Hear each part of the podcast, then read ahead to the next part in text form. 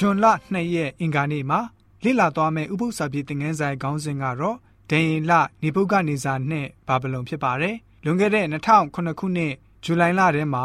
BNN တက္ကသိုလ်ကနေဗြိတိန်တဘာဝသမိုင်းပြတိုက်အတွက်စီမံကိန်းတစ်ခုလှုပ်ဆောင်ရင်းနဲ့နေဘုကနေဇာမင်းရဲ့လက်ထက်မှာရေးထားတဲ့ကပီးကြောက်ပြားတစ်ခုကို တွေ့ရှိခဲ့ပါတယ်။အဲ့ဒီကြောက်ပြားထက်မှာနေရဂါလာရှာရီဇာအမီကို တွေ့ရှိခဲ့ပါတယ်။အဲ့ဒီနာမည်ဟာဆိုလို့ရှိရင်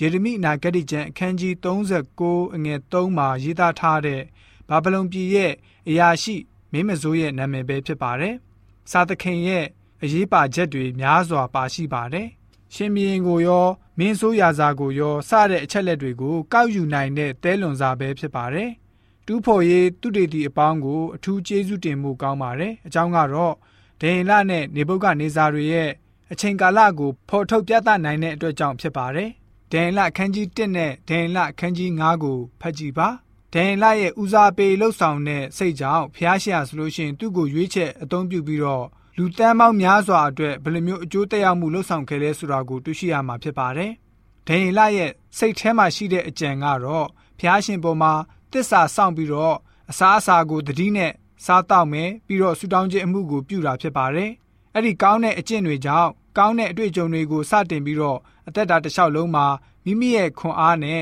ကောင်းတဲ့နေထိုင်ပြုမှုခြင်းကိုဖြစ်စေပါတယ်။အကျိုးသက်ရောက်မှုကတော့အင်မတန်မှရှင်းလင်းလာပါတယ်။တန့်ရှင်းထင်ရှားတဲ့အတွေးခေါ်ဉာဏ်ပညာနဲ့နည်းနည်းတဲ့အရာကိုနားလည်နိုင်စွမ်းတဲ့တကူတွေအထက်မြင့်တဲ့အရက်ကနေခြာပေးသနာတော်မူခဲ့ပါတယ်။အဲ့ဒီအကြောင်းကိုနေဘုတ်ကနေစာမင်းကြီးရောဗေလရှာစာမင်းကြီးရောလက်တွေ့ကြုံခဲ့ရပြီးတော့အတီးပြုထောက်ခံခဲ့ကြပါတယ်။အဲ့ဒီအကြောင်းတွေကြောင့်နိုင်ငံတော်မှာ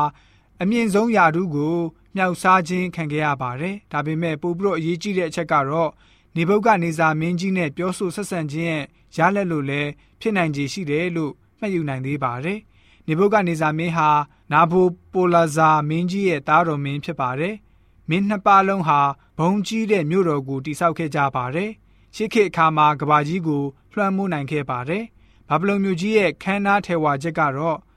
ဗိမာန်ပေါင်း300 ထေဝါကြီးကျယ်တဲ့နန်းတော်မြို့ရိုးကိုနှစ်ထပ်တိဆောက်ထားတယ်။တစ်ထပ်မှာ22ပေအထူရှိတယ်။မြို့ရိုးတကားပေါက်10ပေါက်နဲ့တေးသေးချာချာစီမံထားတယ်။ပြီးတော့အဲ့ဒီမြို့ရိုးတကားပေါက်ရဲ့အမည်နာမကိုဘာဗလုန်နတ်ဖျားရဲ့နာမနဲ့သမုတ်ပေးထားတယ်။အကျော်ကြားဆုံးမြို့ရိုးဂိတ်တကားကတော့အီရှတာဖြစ်ပါတယ်။ဂျာမန်သူတေတီတွေရဲ့တူးဖော်ခြင်းကိုခံရပြီးတော့ဘာလင်မြို့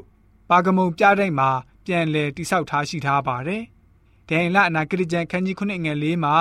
ဘာဗလုန်ကိုလင်းယုံအတောင်ပါတဲ့ချင်းသေးကြီးအဖြစ်အမွန်းတင်ထားပါတယ်။အီစတာဂေတကားပေါက်မှာချင်းသေးရုပ်ပေါင်း120ထွင်းထိုးထားတာကိုတွေ့ရှိရပါတယ်။လူတယောက်ကိုခုံအုံနေတဲ့ချင်းသေးကြီးတကောင်ရဲ့ရုပ်တုကိုလည်းပဲတူးဖော်ရေးလှုပ်ဆောင်တဲ့သူတွေကတွေ့ရှိပြီးတော့ယနေ့တိုင်မြို့ပြင်တနေရာမှာရှိနေစေဖြစ်ကြောင်းတွေ့ရှိရပါတယ်။ အဲ့ဒီຢာတွေဟာဘာဗလုန်ခေတ်မှာချင်းသေးကိုအလွန်တရာသဘောခွင့်နှစ်ချိုက်တဲ့အကြောင်းကိုညွှန်ပြနေတာပဲဖြစ်ပါတယ်။တမန်ကျမ်းစာရာဇဝင်နဲ့ပြောဖက်အနာဂတ်စကားတွေကိုခုနကလေးလာတွေ့ရှိမှုတွေဟာဆိုလို့ရှိရင်အတီးပြုတ်ထောက်ခံပေးနေတာပဲဖြစ်ပါတယ်ဆိုပြီးတော့ဒိန်လနေဘုတ်ကနေစာနဲ့ဘာဗလုန်အကြောင်းအရာတွေကို